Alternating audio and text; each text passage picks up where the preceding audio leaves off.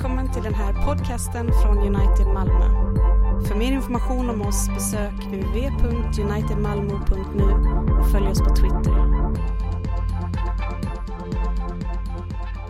Vi ska alldeles strax lyssna på predikan men innan dess så läser vi dagens text tillsammans från Efesierbrevet eh, kapitel 2, verserna 11 till 22. Kom därför ihåg hur det var tidigare. Ni var hedningar och kallades oomskurna av dem som kallar sig omskurna. Med den omskärelse som utförs på kroppen med människohand. Ni var på den tiden utan Kristus, utestängda från medborgarskapet i Israel och hade ingen del i förbunden med deras löfte. Ni levde utan hopp och utan Gud i världen. Men nu har ni, som är i Kristus Jesus och som en gång var långt borta, kommit nära genom Kristi blod. Ty han är vår frid, han som gjorde de två till ett och rev ner skiljemuren. Detta skedde när han i sitt kött tog bort fiendskapen, lagen med dess bud och stadgar, för att av dem båda i sig skapa en enda ny människa och så skapa frid.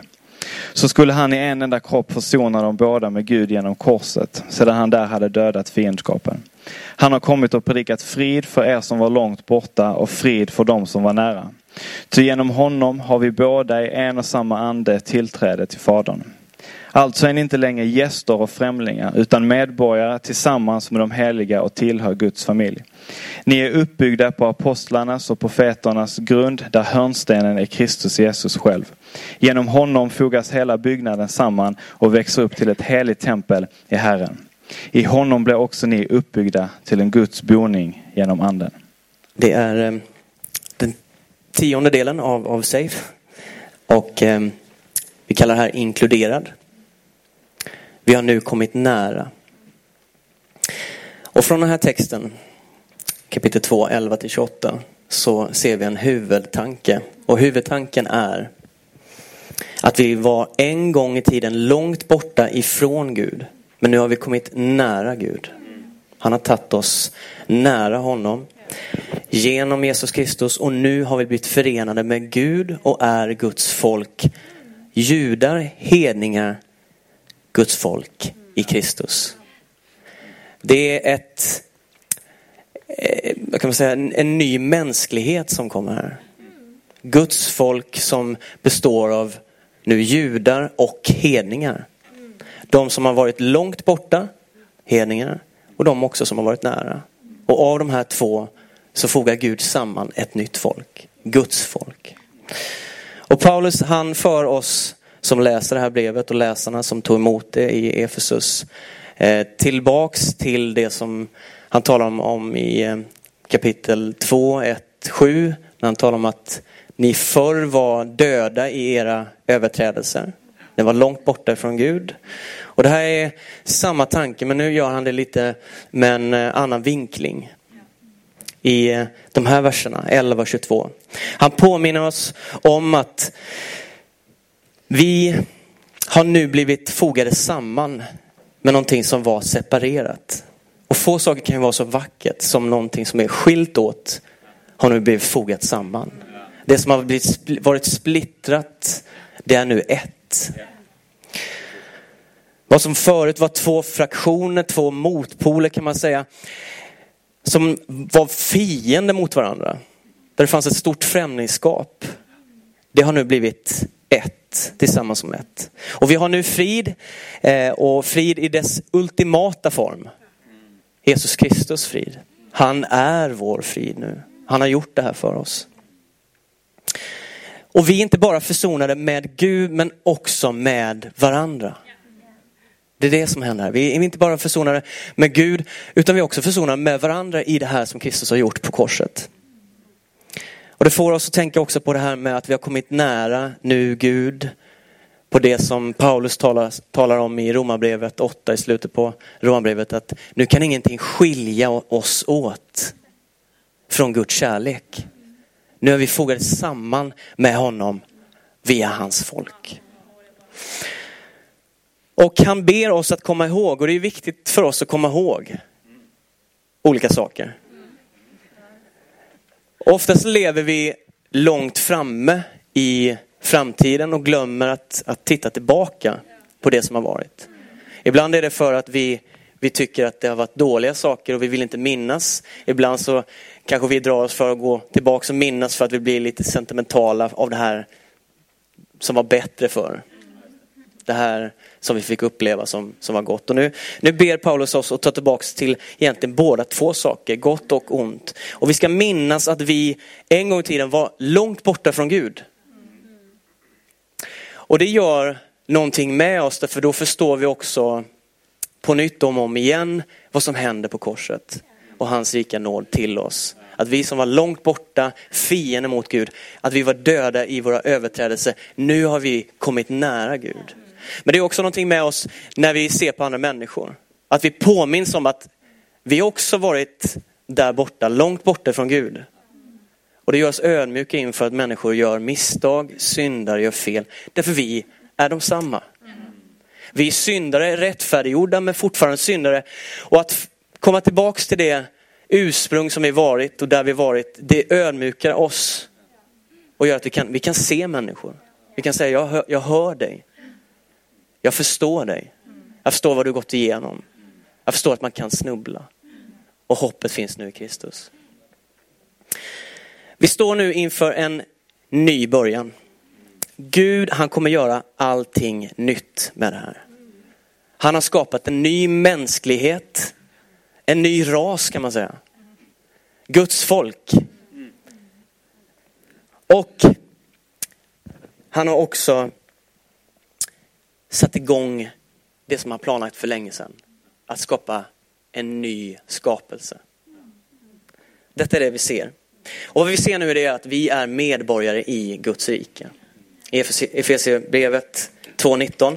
Alltså är ni inte längre gäster och främlingar utan medborgare tillsammans med det heliga som tillhör Guds familj.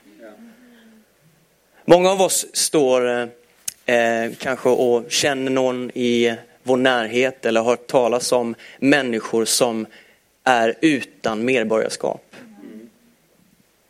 Att eh, de kanske har kommit ifrån eh, en tragisk situation, ett land någonstans långt borta och nu kommit till, till ett nytt land men de är fortfarande inte medborgare i det land de lever i.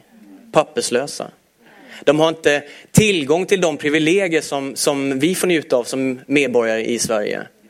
Med eh, sjukvården, med eh, andra bidrag som staten kan vara med och hjälpa till och stötta sina medborgare. Vi, vi får ha det privilegiet, vi som är medborgare i vårt land. Men det finns massa människor som inte har det här medborgarskapet. Och de är utanför de privilegierna. Det är där vi har varit. Separerade. Stått utanför de privilegier som man hade om man tillhörde Guds folk. Där har vi varit. Där vi inte har fått tillgång till det som Guds folk hade. Vi har varit på utsidan och vi har tittat in, men vi har inte kunnat ta del av det. Där har vi varit. Och det är viktigt för oss att komma ihåg det. Där har vi varit. Vi har en gång varit långt borta, men nu har vi kommit nära Gud. Och Paulus han säger till eh, församlingen i Efesus i vers 12 ni var på den tiden utan Kristus, utstängda från det medborgarskap i Israel och hade ingen del i förbundet med dess, deras löfte. Ni levde utan hopp och utan Gud i världen.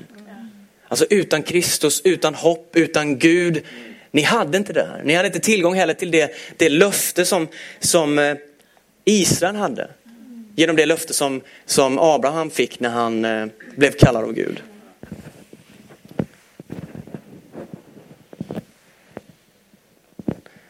Gud han kommer till en snubbe som eh, lever i syndens näste. Han heter Abraham. Och det får vi inte glömma bort. Att han började också som en hedning. Han blev räddad, han var långt borta från Gud men han blev tagen nära Gud. Och för judar så borde detta vara någonting som man ödmjukar sig inför och säger, vi har också varit där. Vi har också varit hedningar. Men nu har vi blivit räddade genom Gud, genom löftet om Kristus som, som, som Abraham fick ta emot. Och om vi inte kan identifiera oss riktigt med hur det var för en hedning på den tiden, när Paulus skriver det här brevet, och stå sida vid sida vi, vi judar. så kan vi i alla fall identifiera oss med utanförskap. Eller hur? Vi kan, vi kan, vi kan känna det där igenkännande att man inte hör hemma. Att man inte riktigt passar in, att man är missanpassad, att, att man är utanför. Man kanske längtar att att komma in i en gemenskap, ett sammanhang, men man kan inte. Man kan inte för att man, dels så kanske man utesluter sig själv för att man tycker att jag har inte vad som krävs, jag har inte rätt kläder, rätt eh, personlighet, eh, jag luktar inte rätt. Så jag, jag, jag tar mig själv ut, ut från det sammanhanget. Jag är inte värdig att vara där. Eller så är det att du vill och du försöker göra allt du kan men, men du kommer inte in därför att det finns människor som, som ser ner på dig. Som kanske har fördomar mot dig. Som stänger dig ute. Vi alla har upplevt den känslan tror jag. Och definitivt som barn.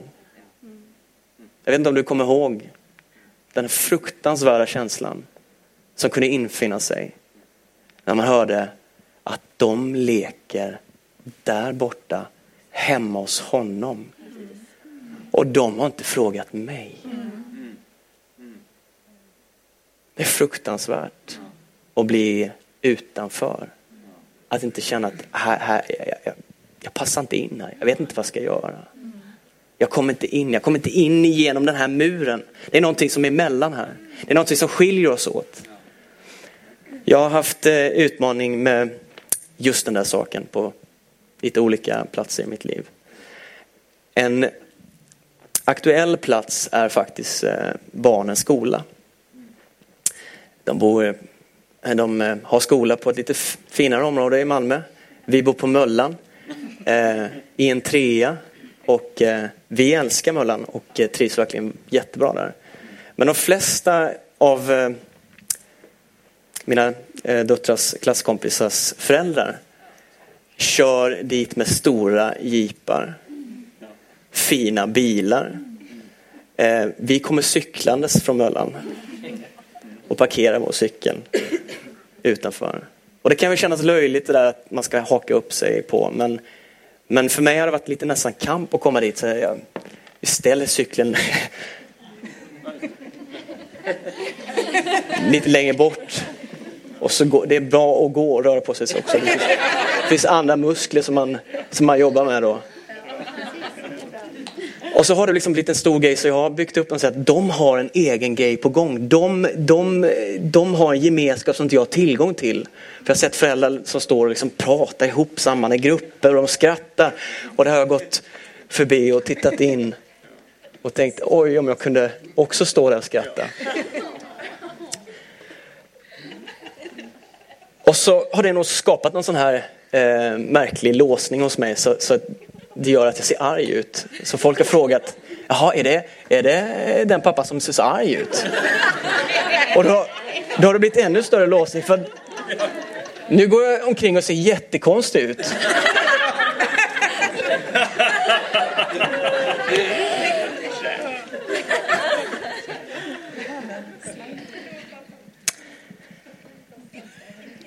Nu har jag hittat en kompis eh, faktiskt. Eh, där alltså. och när jag ser honom så, så, så står vi och pratar jättelänge. Och överdrivet. Och vi kan ju skratta åt det här men, men det är fruktansvärt att känna sig utanför. Att man inte passar in. Att man inte har liksom rätt bakgrund, att man inte har rätt status, rätt personlighet, rätt eh, rätt kläder, rätt pengar. Det finns en väldigt stor skiljelinje mellan hedningarna och judarna. Som Paulus talar om, som har varit för. Paulus talar om omskärelsen i vers 11. Som var den knivskarpa linjen mellan hedningar och judar. Innan eller utanför. Han talar också om skiljemuren i vers 14.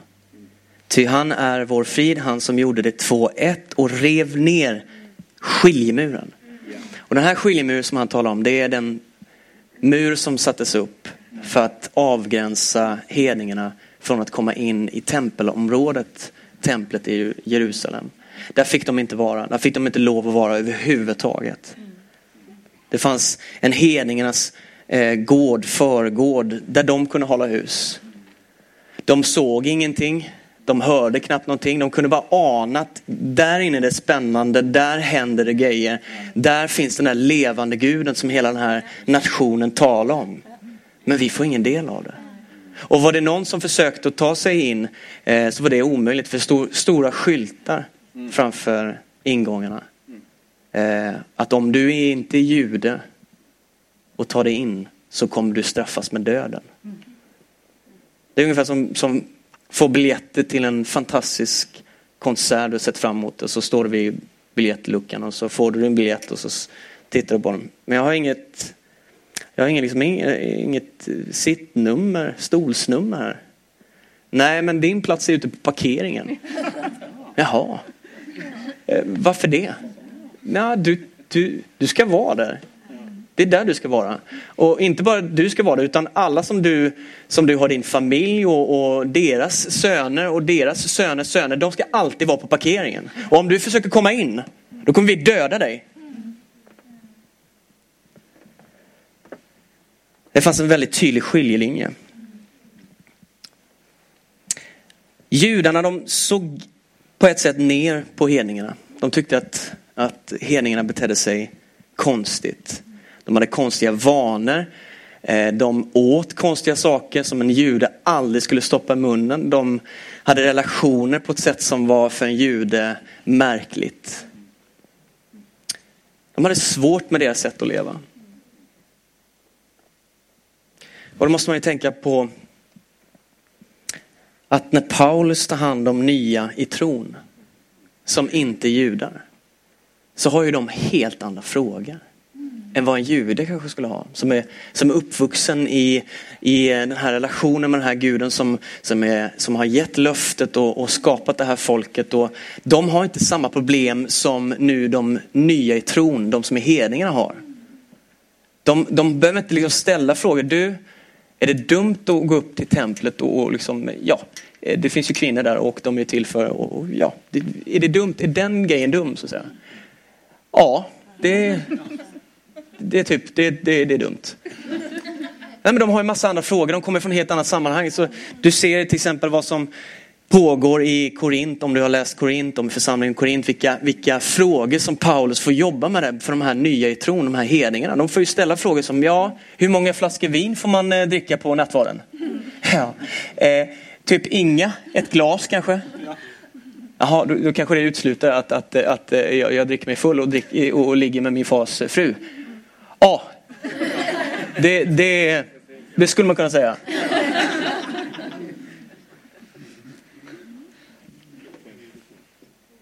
Och det här behöver vi ha, ha, ha förståelse för också i, i, i våra, våra sammanhang.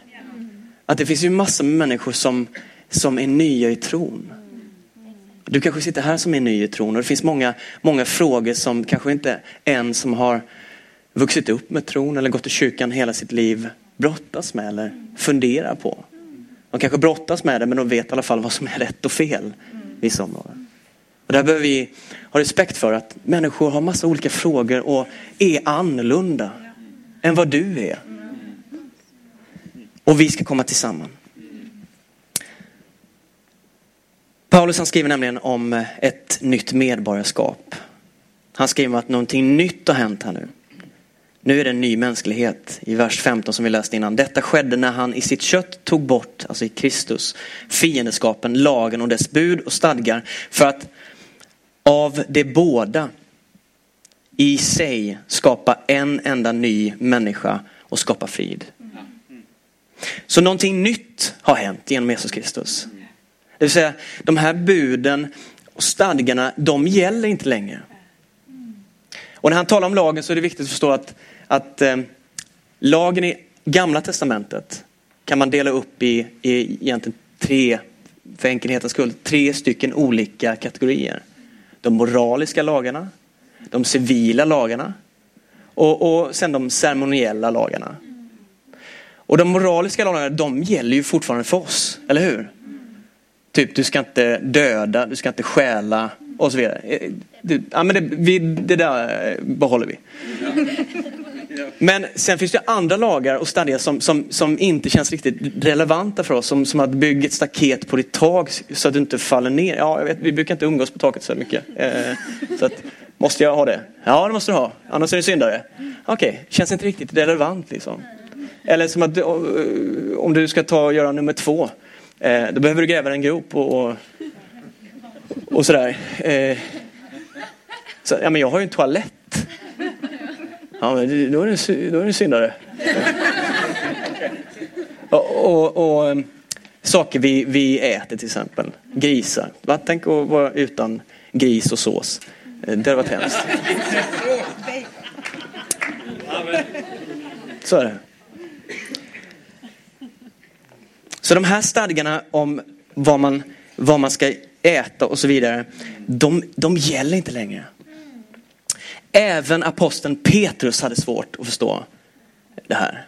Att någonting nytt har hänt. Och vi ska använda det som ett exempel för att belysa. I Apostlagärningarna 10, 9, 15 och då så får Petrus en, en syn. För han predikar just nu vid den här tidpunkten bara för det judiska folket. Nästa dag, medan det ännu var på väg och närmade sig staden, gick Petrus vid sjätte timmen upp på taket för att be. Han blev då hungrig och ville ha någonting att äta, naturligt. Medan han gjorde i ordning maten, medan man gjorde i ordning maten, kom han i hänryckning. Han såg himlen öppen och något som liknade en stor linneduk komma ner.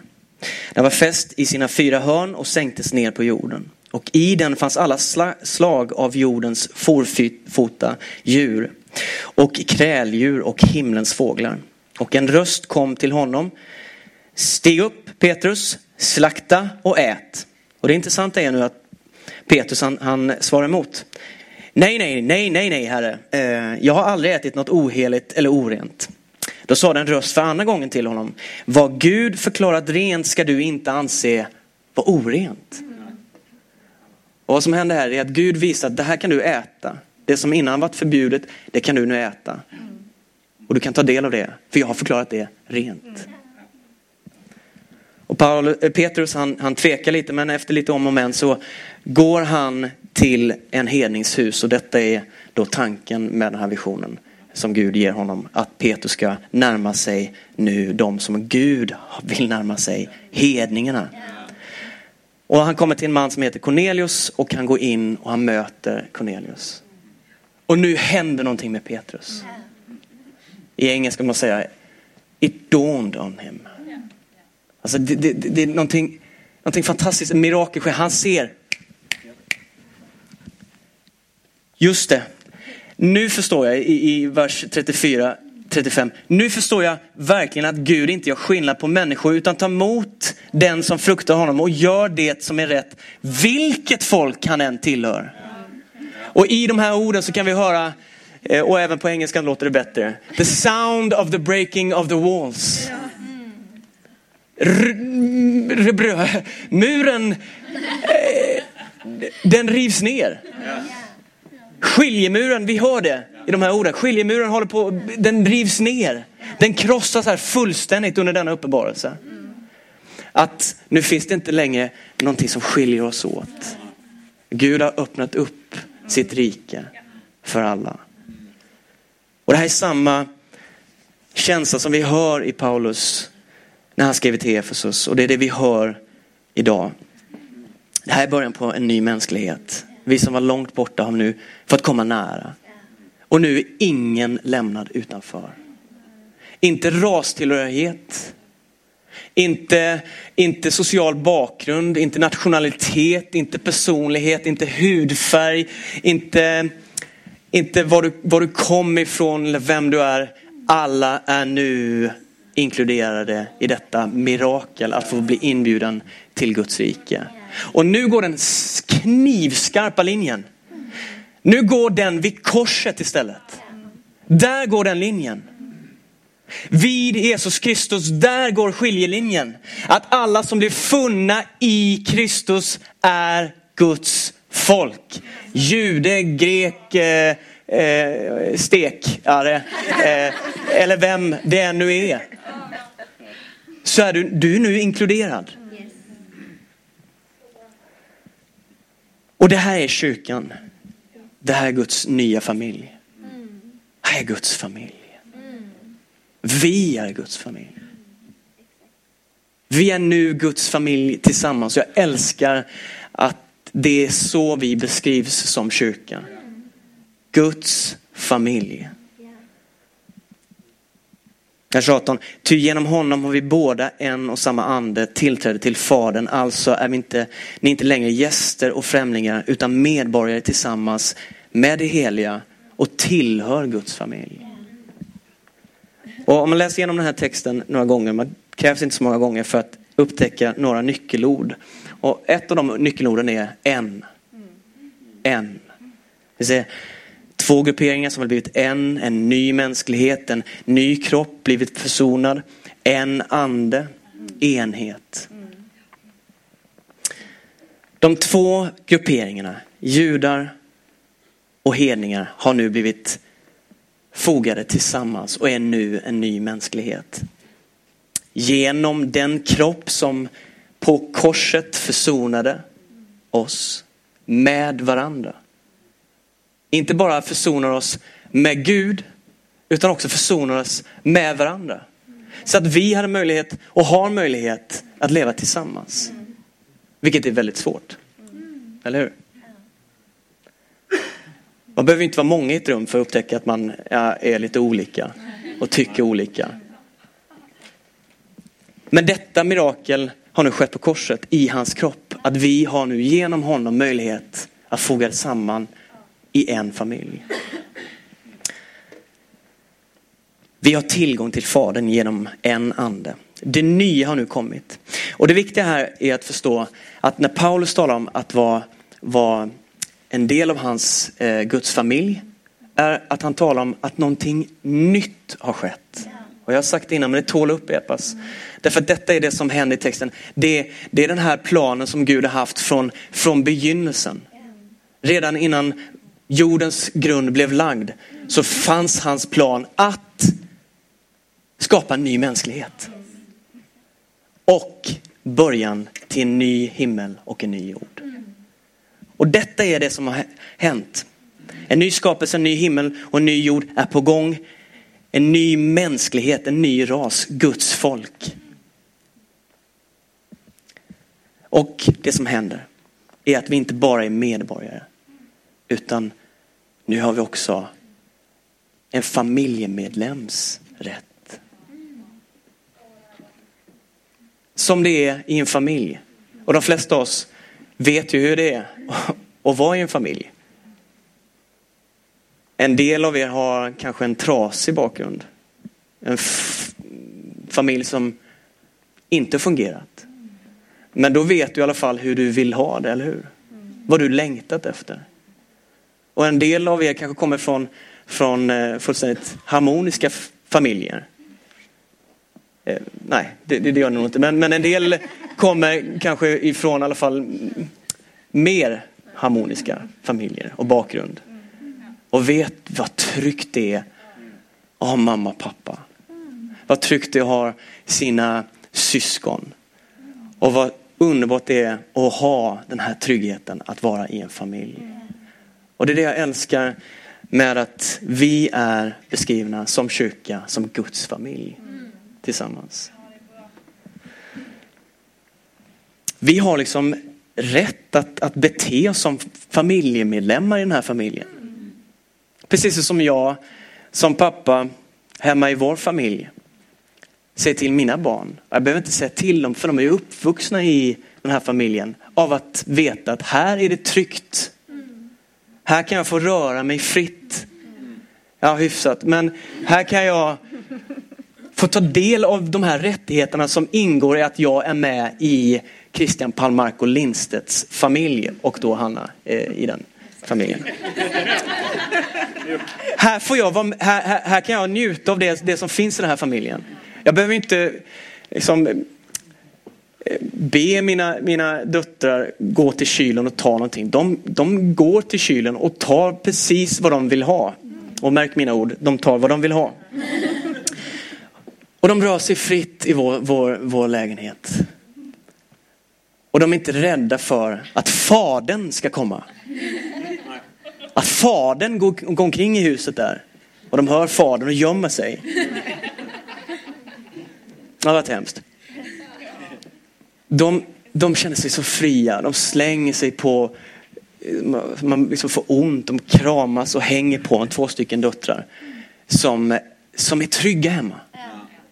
De njuter av de privilegier de har att vara i vår familj. Och ibland njuter de alldeles för mycket. När man ser döttrarna gå omkring liksom med, med sin iPad. Med, alltså inte sin, utan min. Och, och slafsar och tuggar i sig och liksom eh, kladdar ner allt. Men, men det är ju det är ju mina barn. Och jag vill ju precis som Gud inte hålla någonting tillbaks utan ge dem det de behöver. Och märk också de orden, det de behöver. Och på samma sätt så är det det som Gud gör med oss. Som familjemedlemmar i hans familj. Han är gränslös i sin generositet mot sina barn. Han ger oss allt vad vi behöver i överflöd. De känner sig trygga. En sista bild från, från vår familj. Vi, igår så hade vi en i, ensam eh, dag tillsammans med min yngsta dotter. Vår äldsta dotter var iväg och sov över. Och eh, då får då vår yngsta dotter sova i vår säng. och tycker det är jättemysigt. Och det minns man ju när man var liten. Att, I alla fall det känns dumt när man är pojke att erkänna. Men, men det här tryggheten, jag får le mellan mamma och pappa. Och hon tar sig friheter fullständigt fast det är vår säng. Och hon är en av dem som sover väldigt vilt. Så det, helt plötsligt var tionde minut mitt i natten så har du en, en, en, en fot eller en, en, en hand och, och man kryper upp i sitt hörn och där ligger hon. Och bara njuter. Vi har någonting fantastiskt. Vi har fått möjligheten att få vara i Guds familj. Och med de rättigheter som finns i det. Att vi får kalla den levande guden vår pappa. Men den här familjen, även om vi inte tycker det, är perfekt i Guds ögon. Därför vi är funna i Kristus. Men vi vet ju, både du och jag, att vi inte är perfekta. Den här familjen är full av massa trasiga människor, eh, olika livsöden, personligheter och vi är bara helt enkelt jätteolika, många av oss. Och ibland så har vi svårt att komma överens och liksom hitta varandra och vi har våra olika grupperingar där vi tycker att vi känner oss hemma bäst. Vi är trasiga och vi är ett hopkok av massa olika personligheter. Kret och plet är du och jag. Men vi är Guds familj tillsammans. Och där är vår utmaning från texten idag. Att människor som vi kanske tycker är långt borta ifrån vad vi tycker är bra, långt borta ifrån vår personlighet, smak, stil. De alldeles strax kommer sitta väldigt nära dig. Att vi blir inkluderande. Och att vi omfamnar det som är olikt. Vi är kyrka, vi är familj. En kropp, ett hjärta, en själ, enade genom Kristus, enade under Fadern enligt den eviga planen. Guds familj tillsammans. Det vi också är, kan vi se från texten, det är att vi är nu Guds tempel. Vers 21. Genom honom fogas hela byggnaden samman och växer upp till ett heligt tempel i Herren. Och det här kanske kan låta lite konstigt att vi är Guds tempel eller att vi är ett tempel. Du kanske tänker direkt på, att, på, på, på en byggnad med stenar och pelare. Men det här är en bild på att förut så var Guds närvaro över templet och i templet. Där fanns Gud. Och där kunde Guds folk ha tillträde och de kunde gå in och de kunde vara med Gud. De kunde få uppleva det här fantastiska med att Gud är där. Den levande guden, hans närvaro är där. Och det är den här bilden som vi ska se. Att han nu genom det som han har gjort genom Kristus nu fogat oss tillsammans som en enda byggnad. Inte byggnad av sten eller pelare, guld eller silver, utan av hjärtan som pumpar och slår. Och där bor Gud. Där har han tagit sin boning. Där har han sin närvaro över oss. Guds närvaro över sin boning. Som han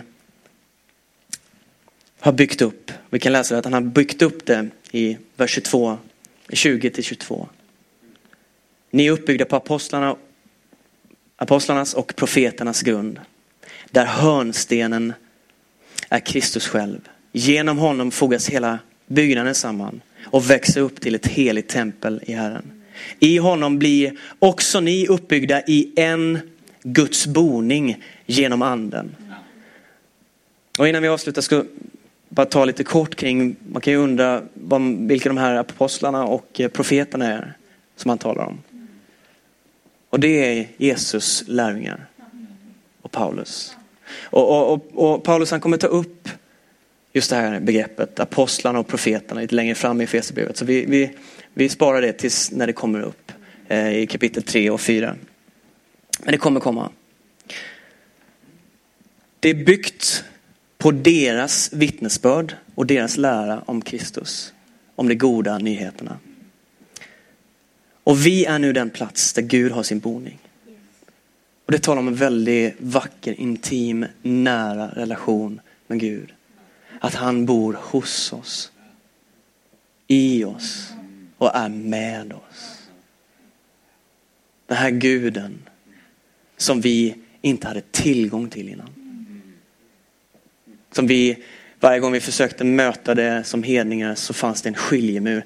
Den guden har nu rivit ner den skiljemuren och han gjorde det på korset. Och nu har han skapat någonting helt nytt. Guds folk. Och där, vi ska gå till avslutning, så är Kristus, Jesus Kristus, vår hörnsten. The cornerstone. Som håller allting ihop. Det är kring Kristus allting centreras. Det är han som bygger upp allt. Och hela Efesierbrevet är byggt på att Jesus Kristus är i centrum. Det är han som är hörnstenen. Det är han som är vår räddning, vårt hopp. Det är i hans kropp på korset som han har försonat Gud med människa, människa med människa. Och nu har vi möjlighet att få bygga det här tillsammans. Trots att vi är jätteolika. Trots att vi kanske ibland inte känner som att vi passar in. Så har vi genom Kristus fått nåden och styrkan och kraften att bygga den här nya mänskligheten. Du och jag. Jag skulle vilja avsluta med en gammal hymn som jag har kommit att älska.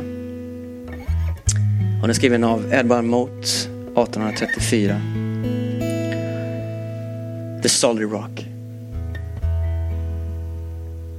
My hope is built on nothing less than Jesus' blood and righteousness. I dare not trust the sweetest frame, but wholly lean on Jesus' name. On Christ, the solid rock, I stand. All other ground is sinking sand. All other ground is sinking sand. When darkness veils his lovely face, I rest on his unchanging grace. In every high and stormy gale, my anchor holds within the whale. His oath, His covenant, His blood support me in the whelming flood when all around my soul gives away. He then is all my hope and stay.